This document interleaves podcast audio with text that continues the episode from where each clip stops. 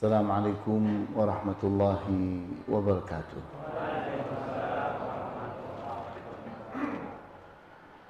إن الحمد لله نحمده ونستعينه ونستغفره ونعوذ بالله من شرور أنفسنا ومن سيئات أعمالنا. من يهده الله فلا مضل له ومن يضلل فلا هادي له. وأشهد أن لا إله إلا الله وحده لا شريك له. وأشهد أن محمدا عبده ورسوله لا نبي بعده. نصلي ونسلم على رسولنا الأمين وعلى آله وأصحابه ومن تبعهم بإحسان إلى يوم الدين. وبعد Ikhwani wa akhwati fid din a'azzakumullah. Kita masih sedang membahas kaidah yang ke-30 yaitu as-salafus salih meyakini bahwa dalam berdakwah wajib menepati manhaj nabawi.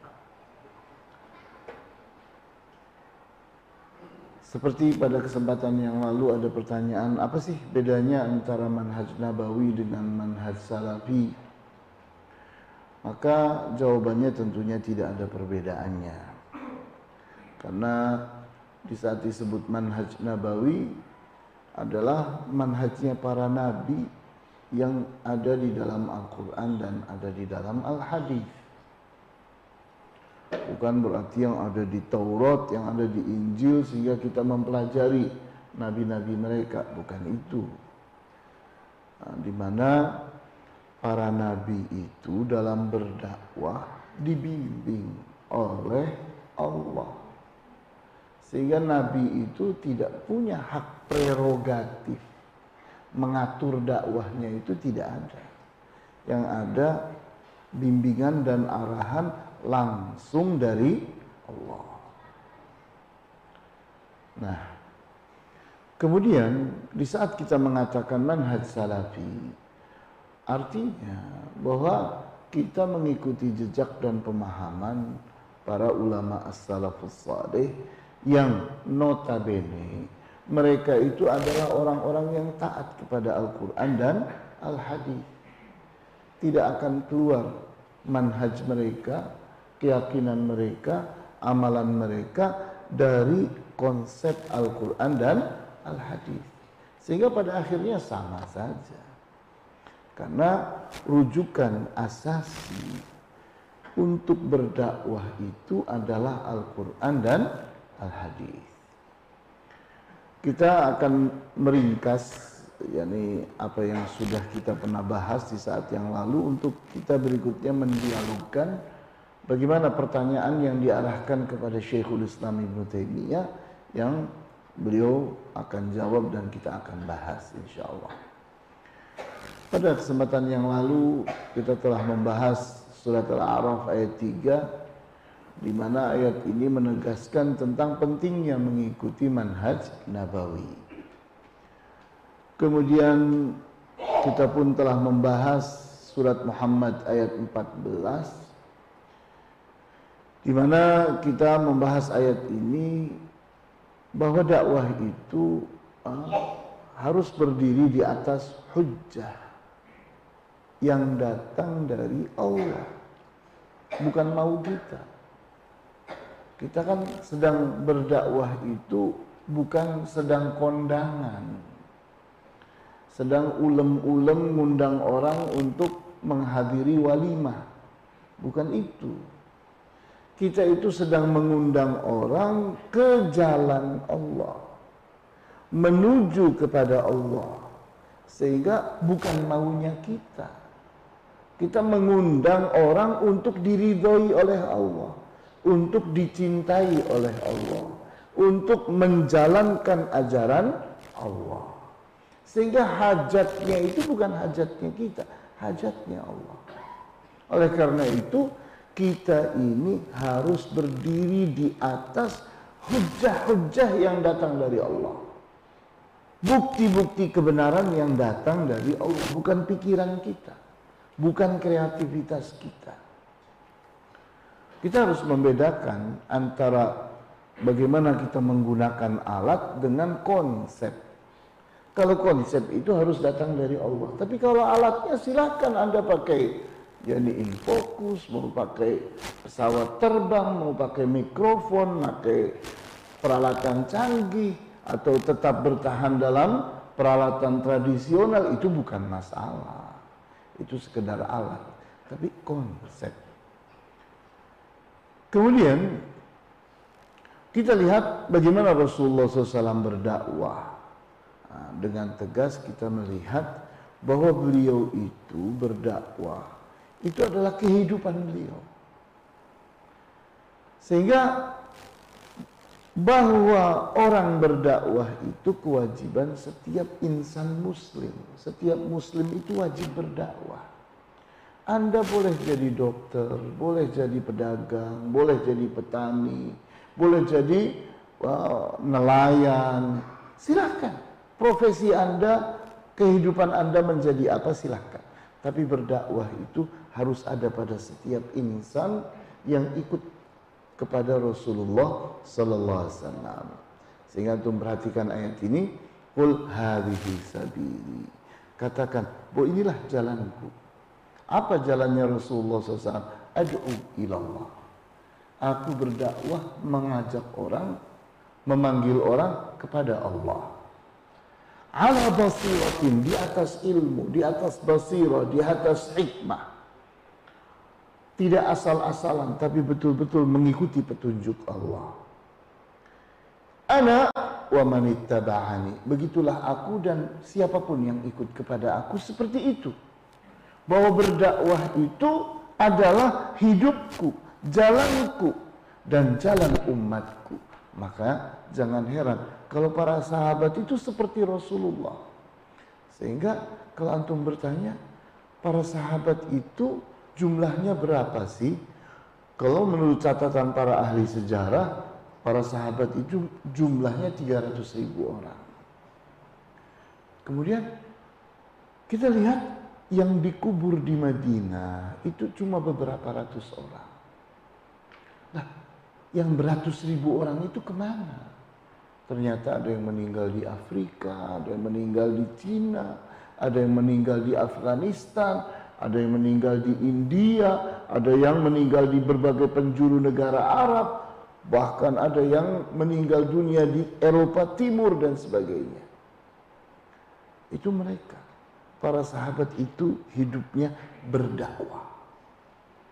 Sehingga kalau kita ingin menjadi pengikutnya Rasulullah SAW, maka berdakwah. Tapi nggak boleh, Ustaz saya jadi dokter, silahkan. Tapi jangan berhenti berdakwah. Boleh nggak Ustaz saya jadi pedagang? Silahkan. Tapi jangan berhenti berdakwah. Jadi berdakwah itu kelaziman. Jalannya setiap insan muslim. Wama ana minal musyrikin. Dan aku tidak tergolong di antara orang-orang yang musyrik. Sehingga benar-benar orang itu ada di jalannya Allah. Tidak sedang berdoa, beribadah kepada selain Allah. Kemudian kita lihat pada surat Sabah ayat 50 bahwa para nabi itu sama. Mereka itu di bawah bimbingan Allah, di bawah pengarahan Allah. Tidak mereka itu berkreasi dari dirinya sendiri dalam berdakwah. Semua atas bimbingan dan arahan Allah. Kemudian Berikutnya lagi kita membaca surat Yunus ayat 15. Bagaimana para nabi dan rasul itu adalah manusia-manusia yang sangat bertakwa, siap menjalankan perintah Allah, siap menjauhi setiap larangan Allah. Mereka tidak ingin melanggar, tidak ingin bermaksiat terhadap Allah. Itulah para nabi. Kemudian kita lihat bahwa godaan dan rayuan terhadap para nabi untuk bergeser, untuk berubah dari dakwah mereka itu ternyata tidak digubris oleh para nabi dan rasul. Sehingga di saat mereka diharapkan meninggalkan sebahagian dari wahyu atau merubah wahyu atau menggantikannya, mereka itu tidak mau melakukan walaupun apa pun yang mereka akan hadiahkan. Kemudian kita pun memperhatikan surat Al-An'am ayat 50. Bagaimana bahwa para nabi dan rasul itu mengikuti wahyu dasar amalan mereka, dasar sikap mereka, dasar tindakan mereka, dasar kebijakan-kebijakan mereka, semua adalah wahyu. Nah, dari sini kita telah berkaitan dengan dakwah. Sekarang muncul permasalahan di mana Syekhul Islam Ibn Taimiyah suatu saat ditanya tentang cara menyikapi seorang syekh yang baik. Syekh ini baik, bukan orang buruk, bukan orang jahat, bukan orang yang ingin menyesatkan orang, bukan. Orang yang saleh, tayyib. Nah, hanya saja dia itu sedang mendakwahi sekumpulan orang yang biasa berbuat dosa-dosa besar Dosa-dosa besar itu seperti membunuh, merompak, mencuri, minum arak dan lain-lainnya. Namun cara dakwahnya ini yang jadi masalah. Cara dakwahnya adalah dengan diajaknya mereka mendengarkan nasihat sambil mendengarkan nyanyian diiringi dengan rebana. Nah ini, ini muncul pertanyaan. Memangnya Allah membimbing begitu? Nah, memangnya ada wahyu yang mengarahkan seperti itu. Bahwa kita ini kalau berdakwah, kita memberikan nasihat kepada orang sambil nyanyi-nyanyi. Kemudian diikuti dengan rebana. Apakah itu cara yang benar? Apakah itu caranya Nabi? Apakah Allah dan Rasulnya itu seperti itu berdakwah? Benarkah cara-cara seperti ini? Dan terbukti sukses katanya. Dengan cara ini sejumlah orang dari mereka bertobat. Meninggalkan perkara haram dan melaksanakan kewajiban. Antum bayangkan, antum bandingkan dengan apa yang diceritakan dalam hadis yang sahih di saat Rasulullah SAW menyebutkan nanti di padang mahsyar itu para nabi, para rasul itu akan berdiri dan di belakangnya umatnya. Tentunya umat terbanyak adalah umatnya Nabi Muhammad SAW yang hidup bersama kita hari ini saja hampir 2 miliar jumlahnya. Ranking kedua adalah Nabi Musa alaihissalam. Tapi ada nabi-nabi yang lain jumlah pengikutnya beberapa ratus orang, ada yang beberapa puluh orang, ada yang beberapa belas orang, ada yang beberapa orang, ada yang tidak ada orang di belakangnya sama sekali. Pertanyaannya, gagalkah mereka? Ya? Masih hebatan syekh ini kan? Nah, orang pada bisa bertobat. Jadi hebat syekh ini atau hebat nabi? Hah? Hah? Gak berhasil. Tidak ada pengikutnya. Kita lagi membandingkan nih ada nabi-nabi di padang mahsyar nanti ternyata tidak ada pengikutnya. Hah? Artinya kalau dihitung dari kuantitas gagal. Tapi kalau dihitung dari kualitas, nah mereka tidak akan pernah melakukan sesuatu dari diri mereka. Semua atas bimbingan Allah atas arahan Allah. Berarti salah dong bimbingan dan arahan Allah. Buktinya gagal itu tidak ada pengikutnya. Apakah begitu cara kita mengukur? Keberhasilan seorang nabi tidak diukur dari jumlah pengikutnya. Tapi di, diukur dari seberapa besar keikutannya kepada bimbingan dan arahan Allah. Semakin tepat semakin akurat, dalam mengikuti petunjuk Allah itulah nilainya. Jadi walaupun pengikutnya banyak tapi tidak mengikuti petunjuk Allah ya tetap aja nilainya gagal. Nah itu titik duduk masalahnya. Kemudian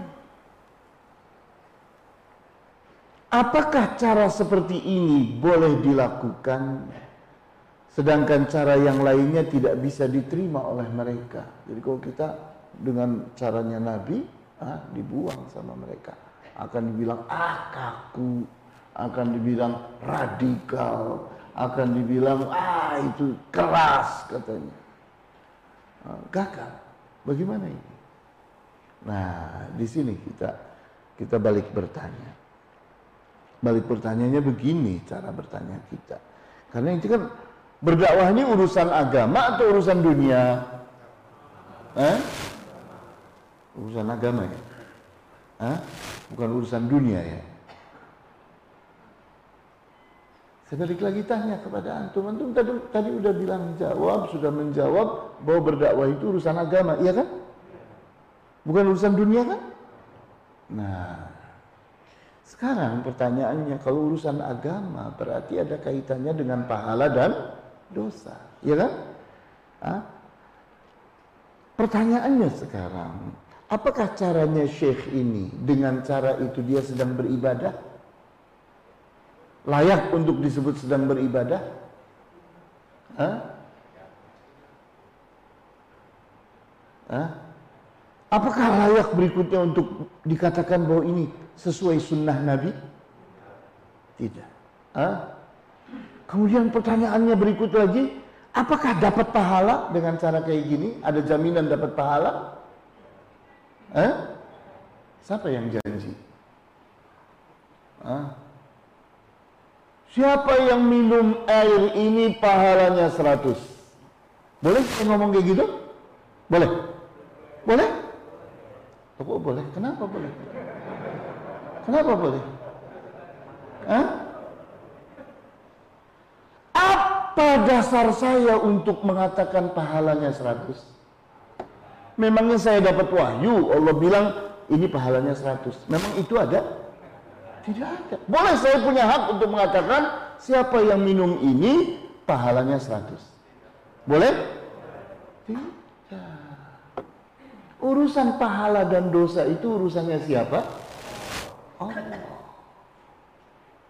Berdakwah itu urusan ibadah. Urusan agama harus sesuai dengan sunnahnya Nabi Sallallahu Alaihi Wasallam. Urusan dakwah karena dia itu adalah ibadah dan dia itu adalah sunnahnya Nabi ada pahalanya. Nah sekarang kita balik bertanya, apakah dengan caranya Syekh ini dapat pahala? Siapa yang menjamin dapat pahala? Memang ada ayatnya, ada hadisnya, ada ketentuan pahalanya? Kan tidak ada. Nah, ini ini cara kita berpikir. Cara kita berpikir. Jangan kayak kita ngomong dua tambah dua sama dengan empat itu matematika. Iya atau tidak?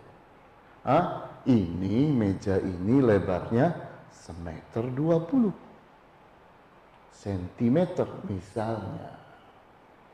Urusan benar atau tidak ini kan mulut saya yang ngomong. Jadi senti aja kan ada ada standarnya ada meterannya kan, bisa diukur.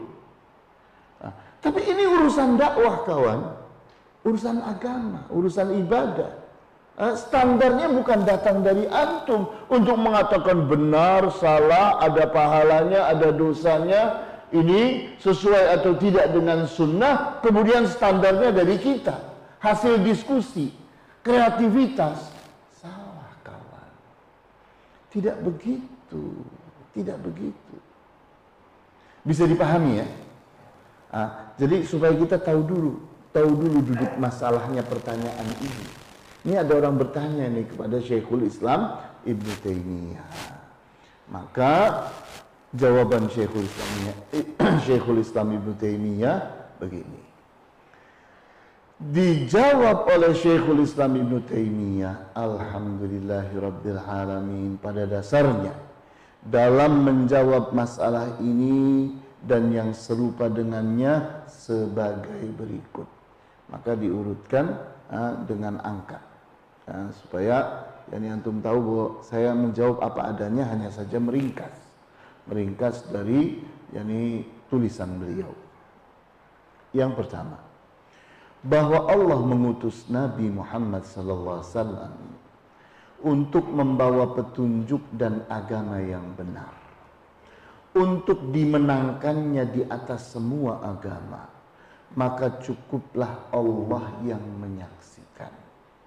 Allah telah menyempurnakan agama ini untuk nabinya dan umatnya sebagaimana tersebut pada firman-Nya. Firmannya yang mana? Ini firmannya. Jadi masih dalam jawaban angka satu. Yaitu surat Al-Ma'idah Surat Al-Ma'idah ayat 3 ini turun berapa bulan sebelum wafatnya Rasulullah SAW. Pada saat beliau masih berada di Mekah, haji beliau yang paling terakhir, dan kemudian beliau kembali ke Madinah, tidak lama setelah itu beliau wafat.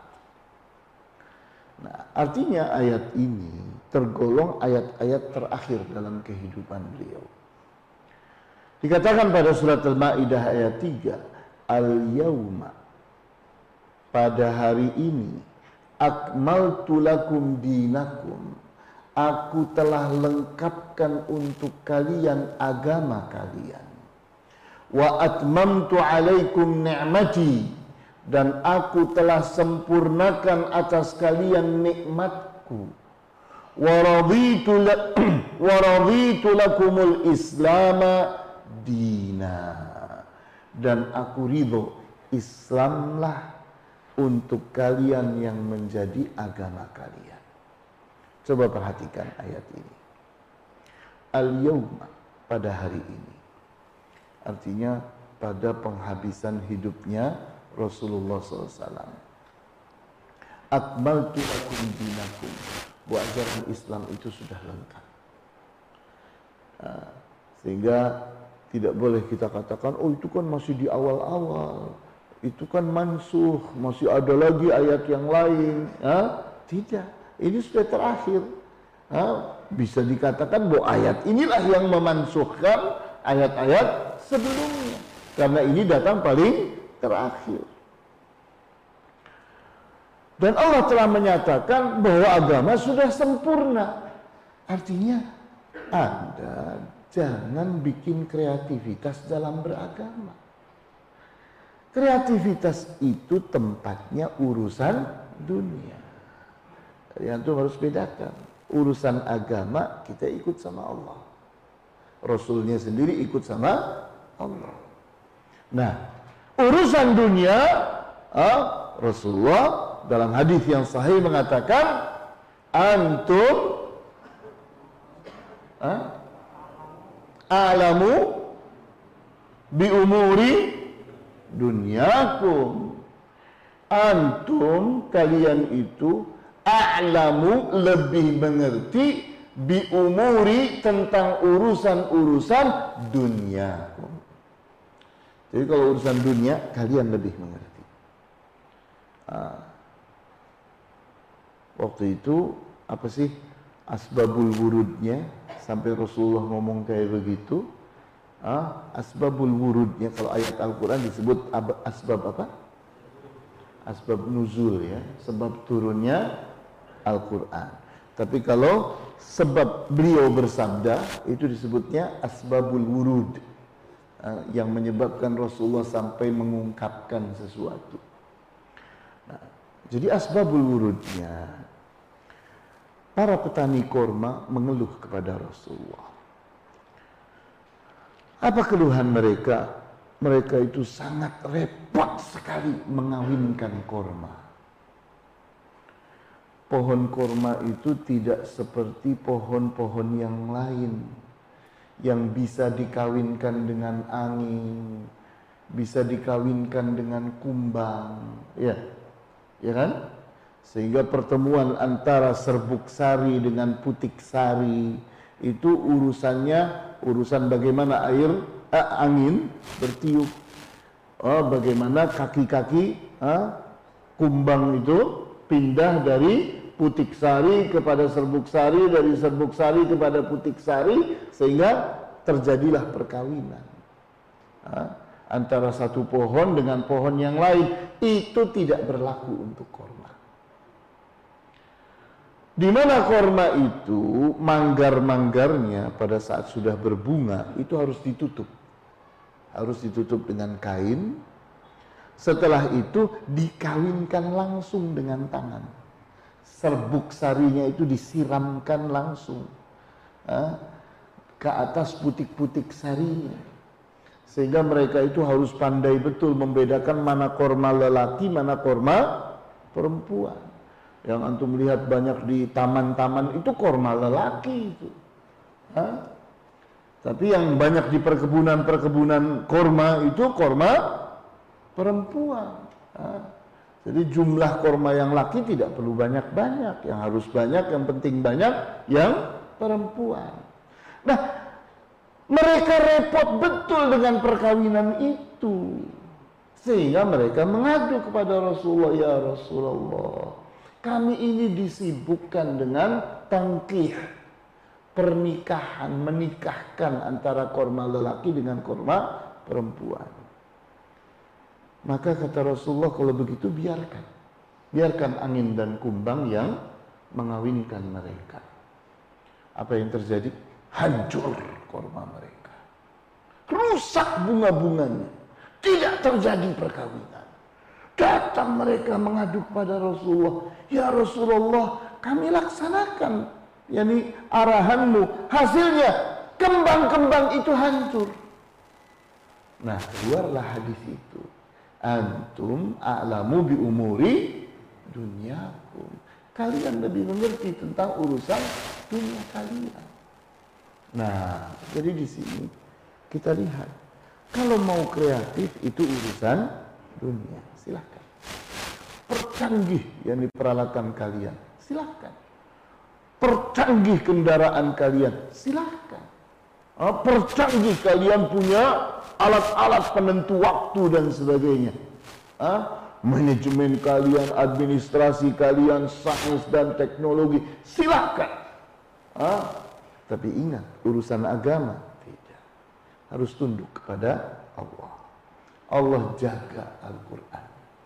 Allah jaga Al-Hadis. Sehingga sampai hari kiamat nanti Al-Quran dan Al-Hadis akan ada. Sehingga pada waktunya akan terjadi kiamat baru Allah akan ambil. Sehingga tidak ada lagi Al-Quran di hafalan manusia dan di kitab-kitab semua akan diangkat oleh Allah, dihapus oleh Allah. Karena memang Allah jaga. Nah, di sini kita lihat. Ini urusan agama. Berdakwah itu masuk di sini. Agama. Urusan ibadah. Harus sesuai dengan sunnahnya Rasulullah Sallallahu Alaihi Wasallam. Wa atmamtu alaikum ni'mati. Dan aku telah sempurnakan untuk kalian agama kalian nikmat kalian. Nikmat apa sih yang sempurna? Ada makanan yang sempurna? Ada? Ada? Ada? Apa itu? Uh, baru ditinggalin sehari basi.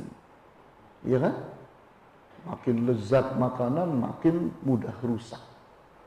Oh, makin awet makanan makin berbahaya terhadap tubuh. Ya atau tidak? Harus pakai pengawet dan sebagainya. Ya kan? Jadi ada yang sempurna.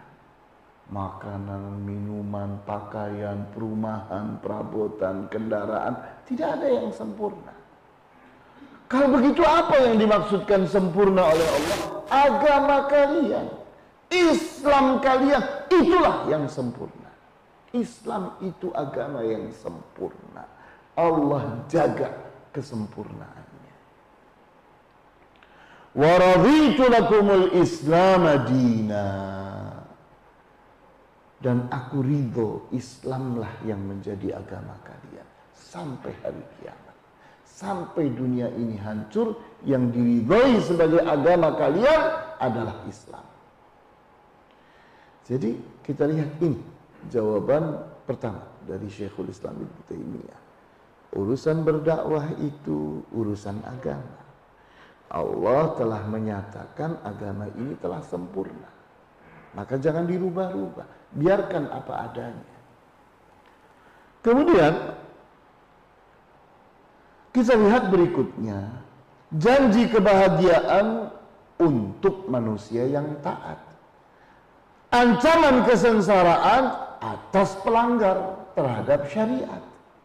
Jadi manusia itu akan berbahagia karena taat kepada Allah akan sengsara karena maksiat terhadap Allah nah kita perhatikan surat An-Nisa ayat 69 wa may yuti'illaha war rasula faulaika ma'al ladina an'ama Allahu alaihim minan nabiyyina was-siddiqina wasyuhada'i wasalihina wa hasuna ulaika rafiqa wa may yuti'illaha war rasula dan barang siapa yang taat kepada Allah dan Rasul faulaika ma'alladina an'ama Allahu alaihim mereka itu nanti akan dimasukkan ke dalam surga untuk berkumpul dengan manusia-manusia yang Allah berikan, Allah curahkan atas mereka kenikmatan. Siapa mereka itu? Empat golongan. Minan nabiyyi, golongan yang pertama adalah para nabi. Wasiddiqin, orang yang siddiq orang yang jiwanya, perkataannya, perbuatannya ketiga-tiganya jujur dan benar. tidak bertentangan antara mulutnya dengan perbuatannya. Tidak bertentangan antara mulutnya dengan jiwanya. Tidak bertentangan antara jiwanya dengan perbuatannya. Semuanya dalam keadaan jujur dan benar. Itulah as-siddiqin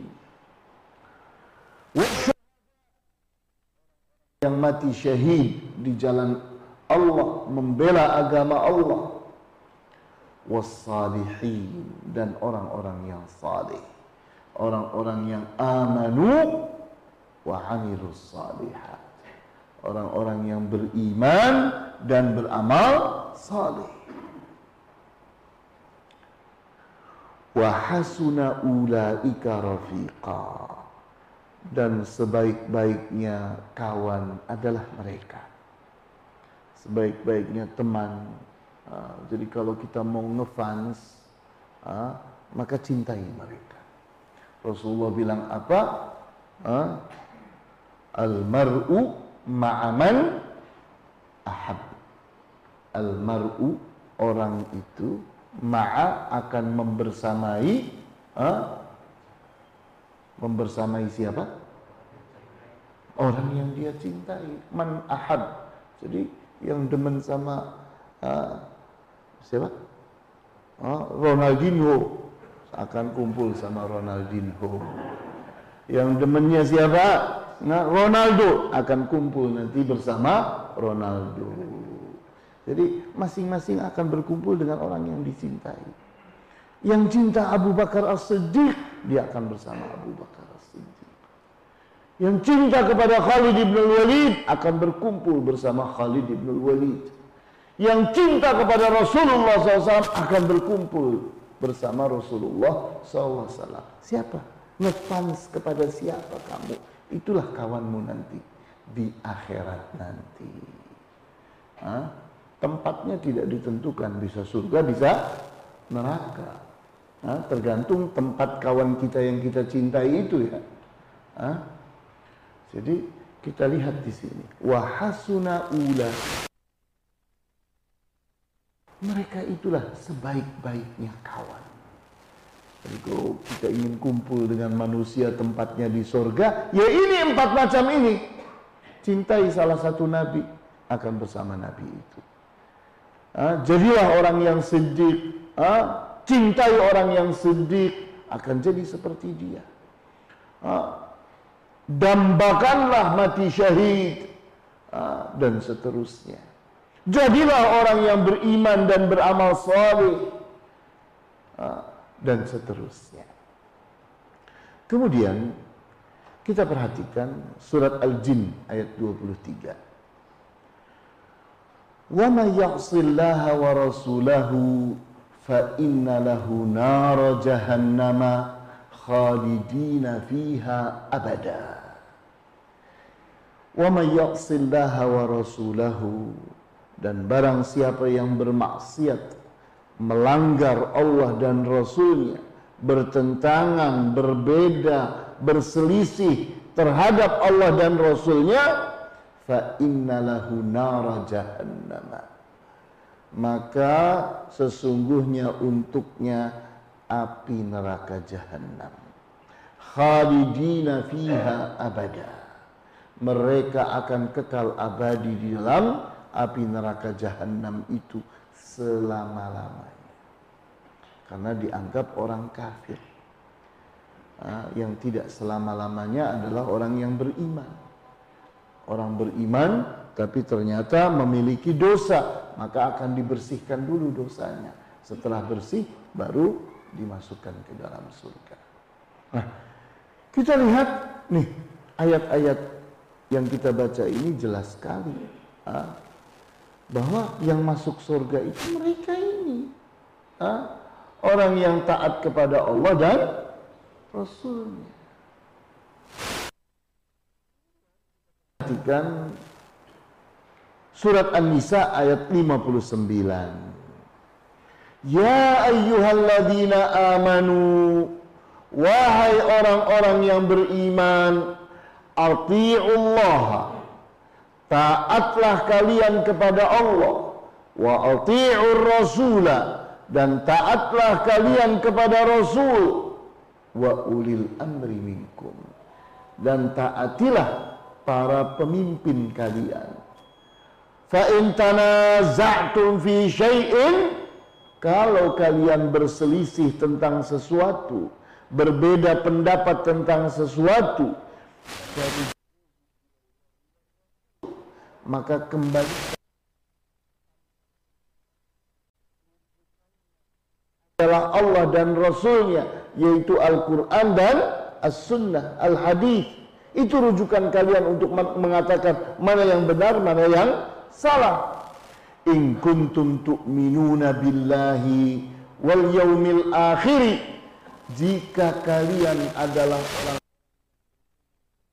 Allah dan hari akhirat dzalika khairu wa ahsanu ta'wila. Itulah yang baik dan itulah pengamalan yang terbaik yang benar. Jadi kita lihat pada ayat ini rujukan kebenaran itu adalah ah, ajaran Islam. Al-Quran dan Al-Hadis wahyu yang datang dari Allah itulah rujukan kebenaran. Nah, silakan ada.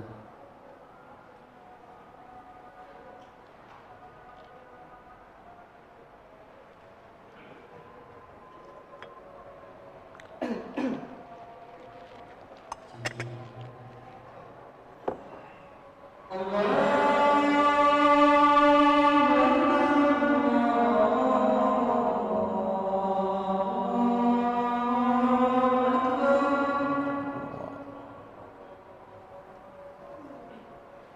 Allah.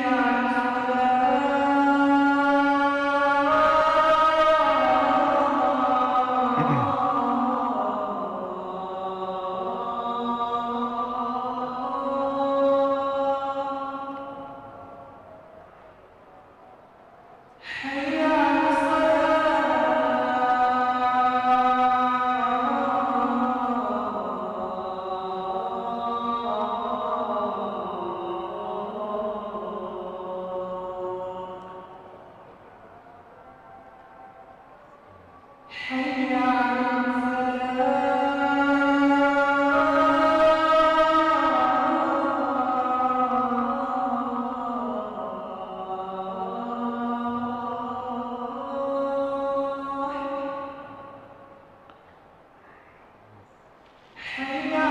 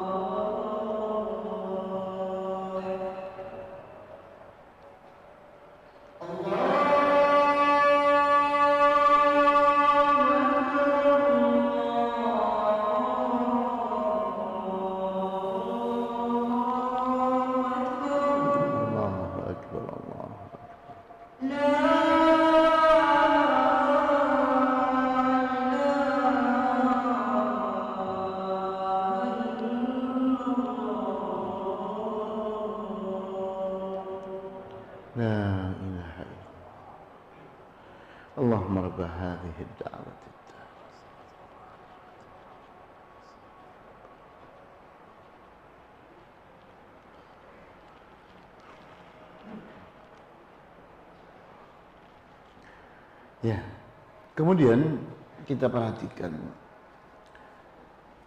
di mana berdakwah itu adalah mengajak orang kepada ajaran yang lurus, kepada ajaran Islam. Kita perhatikan surat Yusuf ayat 108 di mana Rasulullah SAW disuruh mengatakan, Qul, katakan, hadihi sabili, inilah jalanku. Ad'u ilallahi ala basiratin. Di mana jalanku adalah aku mengajak orang kepada Allah ala basirah dengan ilmu. Ha, dengan ilmu. Artinya aku tahu ke mana orang diajak, dengan apa orang diajak, apa materi yang aku berikan kepada orang, ha, dan aku tahu siapa yang sedang aku ajak bicara. Benar-benar aku dalam keadaan mengerti berdakwah itu. Ana wa manittaba'ani, itulah aku dan orang-orang yang mengikutiku. Wa subhanallahi dan maha suci Allah. Wa ma ana minal musyrikin. Dan tidaklah aku ini tergolong di antara orang-orang yang musyrik.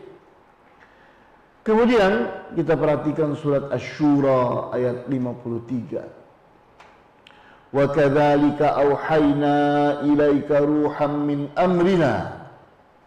ما كنت تدري ما الكتاب ولا الإيمان ولكن جعلناه نورا نهدي به من نشاء من عبادنا وإنك لتهدي إلى صراط مستقيم. wa kadzalika ilaika ruham amrina. Dan begitulah kami telah wahyukan kepadamu ruham min amrina yaitu ruh yang datang dari Allah berupa kebenaran-kebenaran. Mukjizat-mukjizat karena Al-Qur'an ini mukjizat yang datang dari Allah Ayat-ayat Allah. Ma kunta tadri mal kitab walal iman. Dulu sebelum engkau jadi nabi, sebelum ayat-ayat ini turun kepada engkau, engkau tidak mengerti apa itu Alkitab dan apa itu al-iman. Walakin ja'alnahu nuran. Akan tetapi kami telah jadikan dia itu cahaya. Nahdi bihi man nasha min ibadina. Sehingga dia itu menjadi penerang. Kami tunjuki hamba-hamba kami. Wa innaka latahdi ila siratim mustaqim. Dan sesungguhnya engkau itu memberi petunjuk kepada orang untuk menuju kepada jalan yang lurus agama yang lurus. Siratillahi alladhi lahu ma fis samawati wa ma fil ard. Ala ila Allahi tasirul umur. Sirat atau jalan yang lurus itu adalah jalannya Allah. Jalannya zat yang memiliki apa pun yang ada di langit dan yang ada di bumi.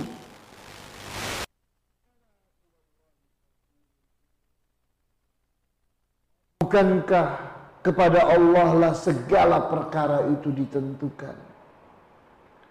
Jadi kita lihat bahwa di saat orang itu berdakwah, artinya mengajak orang kepada jalan yang lurus. Jalan yang lurus itu apa? Islam, agama Allah yang akan sampai kepada Allah. Kemudian orang berdakwah itu adalah memerintah orang berbuat ma'ruf melarang orang berbuat mungkar dan menghalalkan yang halal serta mengharamkan yang haram. Itulah orang berdakwah. Semua ketentuannya datang dari Allah. Yang ma'ruf itu ma'ruf kata Allah. Yang mungkar itu mungkar menurut Allah. Yang halal itu halal menurut Allah. Yang haram itu haram menurut Allah. Bukan kata saya. Bukan kata orang yang sedang berdakwah. Meskipun dia nabi sekalipun. Dia harus ikut kepada Allah. Sehingga kita perhatikan surat Al-A'raf ayat 157. Wa rahmati wasi'at kulla syai'in fasa'aktubuha yattaqun wa yu'tuna zakata walladzina hum biayatina yu'minun dan kasih sayangku kasih sayang Allah wasa'at kulla syai' luas mencakup segala sesuatu. Wasa'aktubu halilladzina yattaqun. Dan akan menjadi kewajiban untuk orang-orang yang bertakwa. Di sini kita lihat bahwa Allah itu Ar-Rahman dan apa? Ar-Rahim. Ar-Rahman itu artinya kasih sayang Allah itu untuk apa pun makhluk Allah. Ah, siapa pun makhluk Allah pasti dapat kasih sayang Allah yang bersifat umum. Karena kalau tidak dapat kasih sayang Allah tidak hidup. Begitu dihentikan, cek, kasih sayang Allah mati. Tidak dapat air saja dari Allah mati. Tidak dapat udara dari Allah mati. Ha? Dicabut nyawanya mati. Ya kan? Nah, itulah Allah sebagai Ar-Rahman. Sehingga kasih sayangnya itu untuk alam semesta. Wasi'at kulla. Mencakup segala sesuatu. Tapi ada satu rahmat yang lain. wa sa'aktubuha lilladzina yattaqun dan aku akan wajibkan kasih sayang itu untuk orang-orang yang bertakwa sehingga tidak berakhir di dunia terus melekat bersama orang bertakwa sampai masuk surga karena yang masuk surga itu hanya satu jenis manusia yaitu orang-orang yang bertakwa entah nabi entah rasul, entah siddiqin, entah syuhada, entah salihin, semua mereka itu adalah orang-orang yang bertakwa. Wa yu'tuna zakata dan mereka adalah orang-orang yang menunaikan zakat. Walladzina hum bi ayatina yu'minun dan mereka adalah orang-orang yang terhadap ayat-ayat kami beriman. Alladzina yattabi'una ar-rasul an-nabiy al-ummi alladhi yajidunahu maktuban 'indahum fit Taurat wal Injil di, di mana mereka juga adalah orang-orang yang mengikuti Rasul, Nabi yang buta huruf, yang mereka dapati termaktub, tertulis di dalam kitab-kitab Taurat dan Injil. Ya'muruhum bil ma'ruf di mana nabi ini memerintahkan mereka berbuat ma'ruf. Wa yanhahum 'anil munkar nabi ini melarang mereka dari berbuat munkar wa yuhillu lahumut thayyibat dan nabi ini menghalalkan hal-hal yang baik hal-hal yang halal. Wa yuharrimu alaihimul khaba'ith. Dan nabi ini mengharamkan apa-apa yang buruk. Wa yadha'u anhum israhum. Dan nabi ini pula yang meletakkan keberatan mereka kita lihat bahwa ajaran Taurat dan ajaran Injil itu berat berat di antara bukti beratnya apa? Satu. Orang kalau mau bertaubat harus apa? Bunuh diri. Yang kedua, mereka itu kalau ingin beribadah harus di mana? Di tempat ibadah. Kalau dia Yahudi, tempatnya sinagog. Kalau dia Nasrani, tempatnya gereja. Kanisa. Nah, ini memberatkan. Tapi orang Islam kalau mau bertobat, bertobat dengan mudah. Tidak perlu bunuh diri. Orang Islam ah, tidak harus beribadah itu di masjid. Di mana pun Anda berada. Di mana tempat itu memenuhi syarat, tidak najis, salatlah di sana. Beribadahlah di sana. Ya. Kemudian masih banyak hal-hal berat yang lain. Semua diringankan. Karena ajarannya Rasulullah SAW itu ajaran yang Mudah. Sehingga Rasulullah mengatakan inna dina yusrun. Sesungguhnya agama Islam itu mudah. Wala dina ahadun illa.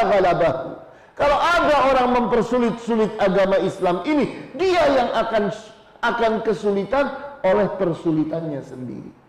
Bukan karena Islamnya yang sulit, Islamnya mudah. Tapi dia yang bikin sulit dirinya sendiri yang sunnah jadi wajib, yang mubah jadi sunnah, berat dong. Ha? Yang mubah dianggap makruh, yang makruh dianggap haram, ya berat dong. Nah, nanti dia akan susah sendiri. Kemudian israhum wal aghlal allati kanat alaihim dan Nabi ini pula, Nabi Muhammad ini pula yang akan membuka rantai-rantai yang merantai mereka. Yang mempersulit gerak mereka. Itu semua akan dilepas oleh Rasulullah SAW. Ah, sehingga nanti ah, ini akan semakin dibenarkan oleh siapa? Oleh Nabi Isa. Nabi Isa itu kan akan turun kembali dan akan mengajak umatnya untuk mengikuti Nabi Muhammad SAW. Pada saat Nabi Isa itu datang, datang sebagai siapa?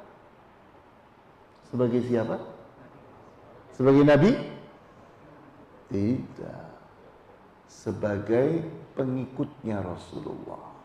Karena sudah tidak boleh ada lagi nabi setelah Nabi Muhammad SAW. Beliau itulah khatamul anbiya'i wal mursali. Penutup para nabi dan rasul. Sehingga Nabi Isa nanti datang bukan. Bukan sebagai nabi. Sehingga nanti jangan heran di saat beliau berjumpa dengan Al-Imam Mahdi. Maka beliau tidak mau jadi imam. Dibiarkannya. Dipersilahkannya Imam Mahdi.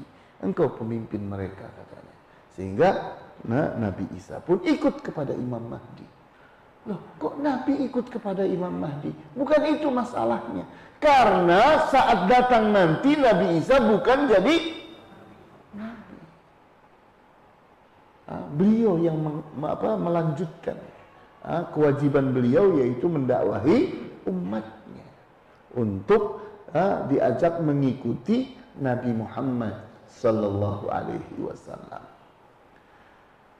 Sehingga dengan mengikuti Rasulullah SAW, beliau pun menjadi orang yang meringankan, meringankan Yahudi dan Nasara. Kemudian, "Falladzina amanu wa azzaruhu wa nasaruhu wattaba'un wattaba'un nur alladhi unzila ma'ahu ulaika humul muflihun." Kemudian Allah pun memuji, memuji kalangan Ansar, para penduduk Madinah. Allah puji di ayat ini. Siapa mereka? Mereka adalah orang-orang yang beriman kepada Nabi Muhammad SAW. Wa membela habis-habisan Rasulullah SAW. Wa nasaru mereka itu menolong dan membantu Rasulullah. Wattaba'un nur alladhi unzila ma'ah.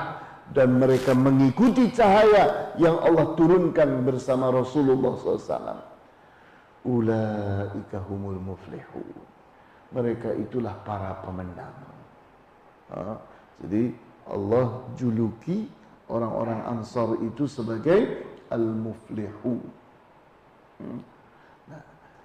Jadi kita lihat ini ayat ini termaktub termaktub di dalam Al-Qur'an dan termaktub di dalam Taurat dan Injil. Ini artinya. Kemudian uh, berikutnya yakni kita tidak sempat membahas ini hmm, insya Allah pada kesempatan yang akan datang dan saya pun tidak terburu-buru bersama antum karena yang kita bahas ini sangat apa ya sensitif saya ingin antum itu menguasai dengan baik. Betul-betul ngerti duduk masalahnya seperti apa. Sehingga mengerti manhaj dalam hal ini dengan baik dan benar. Silakan kalau ada pertanyaan.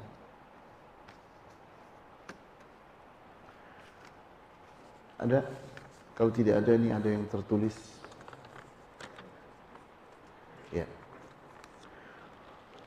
Ustadz, apa sikap kita terhadap orang-orang yang mengolok-olok Ustadz sunnah seperti mempermasalahkan wayang dan sebagainya?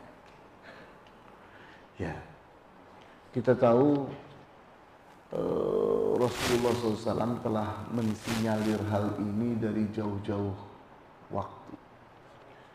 Antum perhatikan hadis yang sahih yang berbicara tentang tanda-tanda hari kiamat uh, di, di antaranya disahihkan oleh Al Albani rahimahullah di dalam silsilah beliau di mana Rasulullah SAW menyebutkan uh, bahwa menjelang Dajjal datang itu akan terjadi tiga fitnah.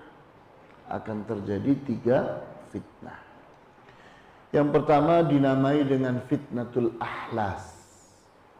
Yang kedua adalah uh, fitnah yang disebut dengan fitnatus sarra. Yang ketiga adalah fitnah ad-dahma atau di hadis yang lain disebut ad-duhaima. Nah, apa fitnatul ahlas? Rasulullah menerangkannya. uh, bahwa fitnatul ahlas itu adalah fitnah berupa al-harbu wal harbu. Al-harbu itu artinya migrasi, orang berpindahan uh, dari satu negeri ke negeri yang lain. Uh, wal harbu dan perang.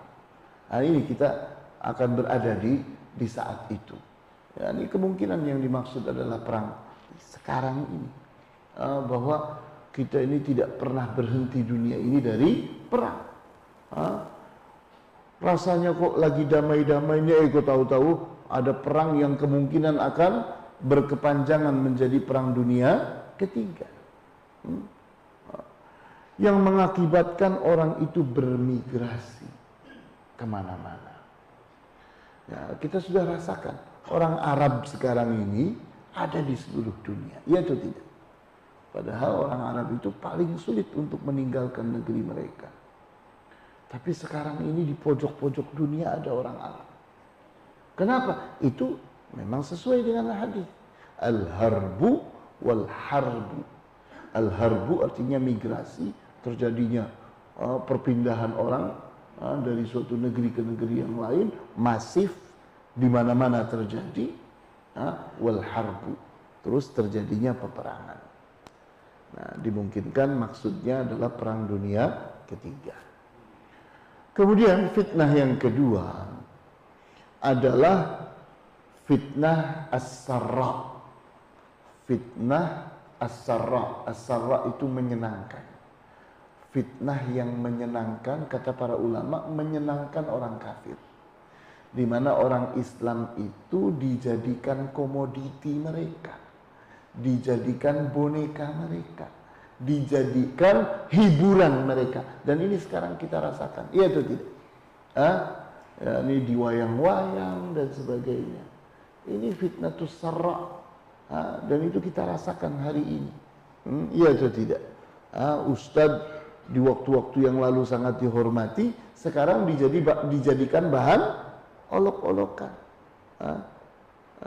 Sehingga kita lihat mereka ini orang-orang liberal, orang-orang komunis, orang-orang sekuler, orang-orang syiah, lagi pesta pora. Orang-orang munafik itu betul-betul fitnah uh, yang luar biasa terhadap orang-orang yang ingin menjalankan kebenaran uh, dengan lurus. Nah, ini fitnatus sarra. Kemudian fitnah yang ketiga adalah fitnah dahma, fitnah kegelapan. Di mana ditandai uh, munculnya orang dari keluargaku kata Rasulullah. Orang dari keluargaku tapi dia uh, bukan waliku. Uh, waliku hanyalah orang-orang yang bertakwa. Artinya yang benar-benar seperti yang kita bahas ini. Ya, ini benar-benar yang ini berdakwah itu sesuai dengan sunnahnya Rasulullah Sallallahu Alaihi Wasallam. Tidak uh, berkreasi. Apa mau gue? Bukan, uh, tapi ikut kepada Al-Quran, ikut kepada Al-Hadis apa adanya. Nah, nah, maka kata Rasulullah dimulai dakhalahu wa dakhanahu. Yakni uh, mulainya min tahti qadamai uh, rajulin min ahli baiti. Di mana fitnah apa yang ketiga tadi namanya?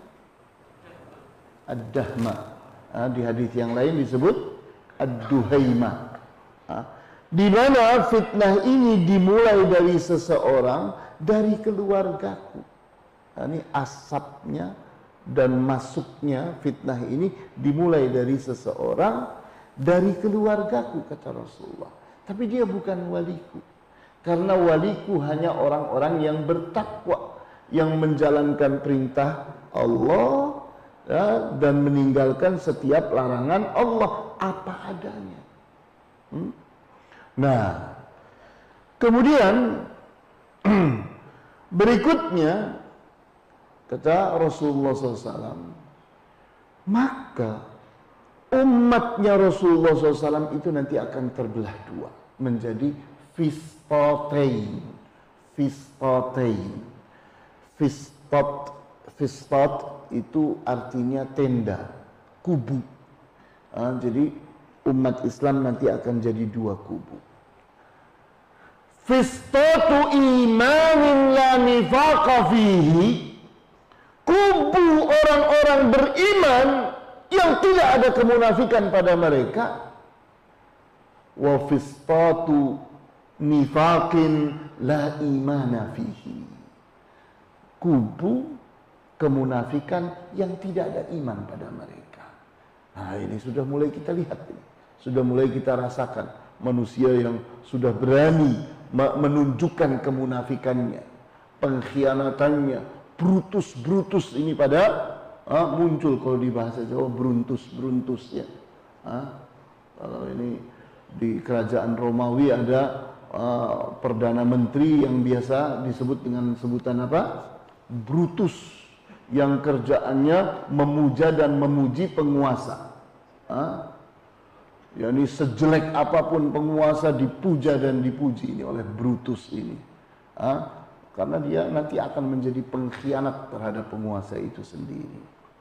Nah, ini kaum Brutus ini lagi banyak-banyaknya. Nah, kemudian kalau itu terjadi, kata Rasulullah SAW, kalau terbelahan, keterbelahan tadi telah terjadi, maka kata Rasulullah, ah, wa in kana dhakumu fantawiru dajjal min yaumihi aw ghadihi. Kalau itu telah terjadi, keterbelahan umat Rasulullah SAW menjadi dua kubu, kubu apa tadi? Kubu iman yang tidak ada kemunafikan padanya, kubu yang kedua apa? Kubu, kubu kemunafikan yang tidak ada iman padanya. Kalau itu terjadi, ha, maka di hari itu atau besoknya Dajjal muncul. Hmm. Tapi hadis ini panjang, cukup sampai di sini saja. Uh, supaya antum paham, supaya nggak keheranan ada wayang-wayangan segala, biasa saja, biasa saja. Karena teori ini teori 6566 sama saja. Jadi oh, mem, apa namanya mengadu domba. Uh, teori mengadu domba yakni membelah bambu yang satu diinjak, yang satu diangkat itu teori kuno itu sudah klasik. Kita sudah hafal. Oh, ini ciri PKI makin hebat ini. Uh, makin luar biasa. Uh, mereka yaitu sudah teorinya. Kemudian, kemudian Apakah ada ustadz-ustadz sunnah yang menasehati pemerintah yang berpaham liberal atau ingin mengadu domba umat Islam? Terima kasih. Ah, ya, saya sendiri nggak ngerti. Ya. Memangnya gampang ya masuk ke istana?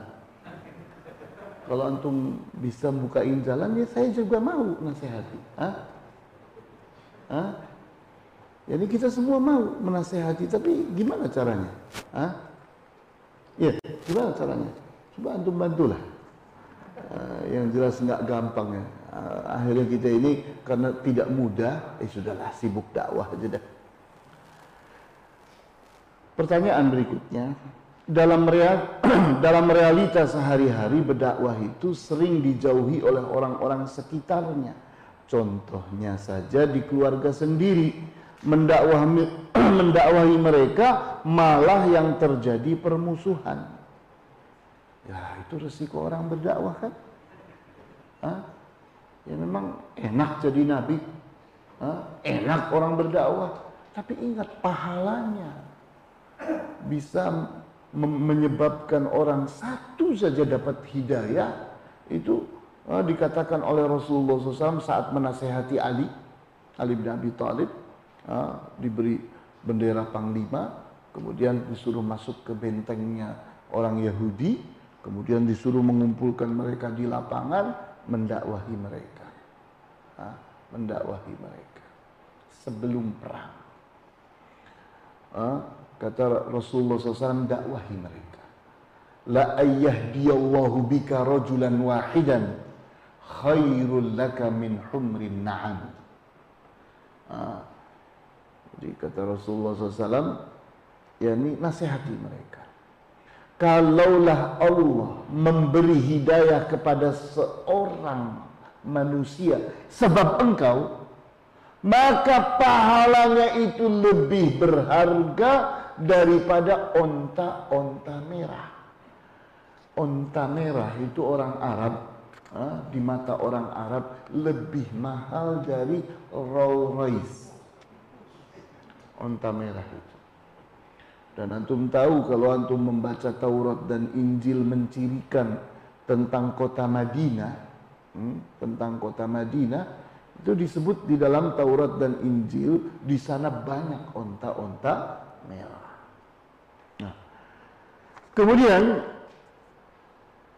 urus saja dirimu eh kata-kata yang sering dilontarkan di antaranya urus saja dirimu sendiri tidak usah mengurusi orang lain Nah itu memang uh, memperbaiki orang itu kadang-kadang harus dimulai dengan memperbaiki seleranya, mem memperbaiki lifestyle-nya, gaya hidupnya. Ini memang berat. Orang modern ini uh, memang disuruh pindah ke Islam itu, uduh, uduh, uduh, uduh, kayak pindah dari barat ke timur. Oh, yani 180 derajat bertolak belakang. Berat memang. berat. Tapi kalau kita berhasil membuat seseorang itu beriman, orang itu akan disulap oleh iman. Orang itu kalau sudah beriman, itu yang akan menyulap dia, menyihir dia, yang merubah dia apa? Imannya. Seleranya akan ikut berubah yang tadinya suka haram tidak mau haram. Yang tadinya sukanya hura-hura menjadi orang yang tertib, rapi, senang khusyuk kepada Allah. Ya kan? Siapa yang merubah? Iman yang merubah. Maka jangan putus asa. Udah kita enggak orang banyak, gak usah itu targetnya. Ngobrol saja. Satu orang, satu orang. Pendekatan persuasi yang mau kita teruskan, yang nggak mau berhenti. Jangan diteruskan, nyakiti sendiri. Nyakiti diri sendiri. Orang nggak mau dijejel-jejel.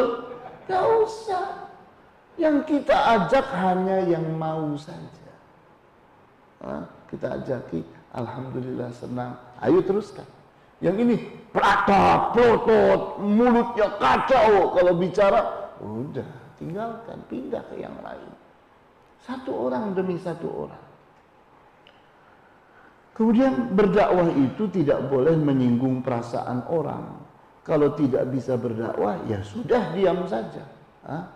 Ya memang kita harus atur. Memang kita menghadapi manusia Indonesia yang halus tapi ke kesinggungan. Ini kan ciri khasnya orang Indonesia. Orang Indonesia itu halus tutur katanya, haus sopan santunnya, tapi kesinggungan. Ya kan? Nah, oleh karena itu kita atur tutur, tutur kata kita. Kita atur sopan santun kita supaya tidak kesinggungan. Kan begitu. Nah, apakah dibenarkan jika berhenti berdakwah karena ditakutkan terjadi pemutusan silaturahmi? Jangan. Jangan. Jadi jangan sampai kita meneruskan orang yang marah. Orang ini sudah marah, ya udah berhenti. Kalau kita lanjutkan ya putus silaturahmi. Jangan dilanjutkan. Orang ini sudah nggak suka, maka pindah yang lain. Masa dagang kepada semua orang? Hah? Memangnya orang dagang kepada semua orang? Dagang itu kepada orang yang mau. Ya sama dakwah juga gitu. Dakwah itu bukan kepada semua orang ya kita tawari saja. Ya ini menawari sih siapa saja kayak orang apa membunyikan klakson kedengaran oleh semua orang. Tapi maksudnya yang ada di di depan kita kan begitu. Nah kita berdakwah kepada siapa saja. Nah yang mau yang kita teruskan. Ya masih ada lagi pertanyaan? Nampaknya udah sepi ini ya Nah, tapi saya saya tegaskan kepada antum, memang saya nggak nggak buru-buru, nggak buru-buru. Ini berarti pertemuan yang keempat yang akan datang. Tapi insya Allah selesai. pertemuan yang akan datang selesai. Saya niati bisa selesai insya Allah. Yang jelas memang saya ingin pelan-pelan matang di pohon betul-betul. Jangan terburu-buru tapi nanti lewat nih kaidah ini. Ha? Tapi tidak berbekas, tidak berpengaruh. Karena ini kaidah penting banget. Ha? Iya, betul apa enggak di omongan saya? Ha, baik. Kita tutup. Boleh, boleh, boleh.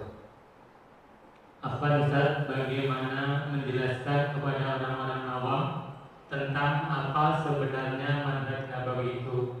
Karena yang awam itu kan sekarang sering terfitnah dengan orang-orang yang mengaku bahwa bahwa dakwah mereka mengajak ke jalan Nabi atau sesuai jalan Nabi. Ya, seperti tadi sudah beberapa kali ditandaskan, di mana manhaj ini uh, adalah manhaj nabawi. Kenapa manhaj nabawi? Uh, karena ingin mengikuti caranya Nabi. Uh, di saat kita nyebut sunnah, sunnahnya siapa? Uh, sunnahnya Nabi. Uh, kita ingin ikut kepada Nabi. Bagaimana beliau berdakwah, kita ingin pas seperti caranya beliau. Sehingga disebut dengan manhaj nabawi. Penamaan saja. Ah, yang dinamainya sama. Ah, yaitu sunnah. Ya kan? Apa sih artinya sunnah? Ah, sunnah itu adalah perkataannya siapa? Perkataannya Nabi Muhammad. Perbuatannya siapa? Perbuatannya Nabi Muhammad. Ya kan? Sikap, sikapnya siapa? Sikapnya Nabi Muhammad. Lah, jadi dakwah nabawi itu atau manhaj nabawi itu artinya manhaj yang sesuai dengan sunnahnya Nabi. Selesai. Nah, kok repot? Hah? Sederhana sekali. Nah, cuma penamaan saja. Karena ada stressing, ada hal yang kita ingin tekankan.